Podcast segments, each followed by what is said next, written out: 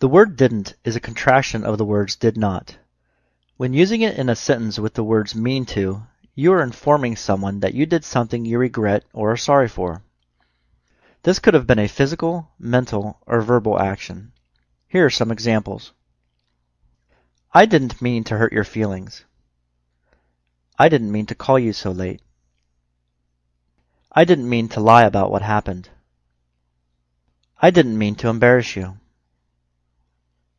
I didn't mean to stay out so late. I did not mean to say those things.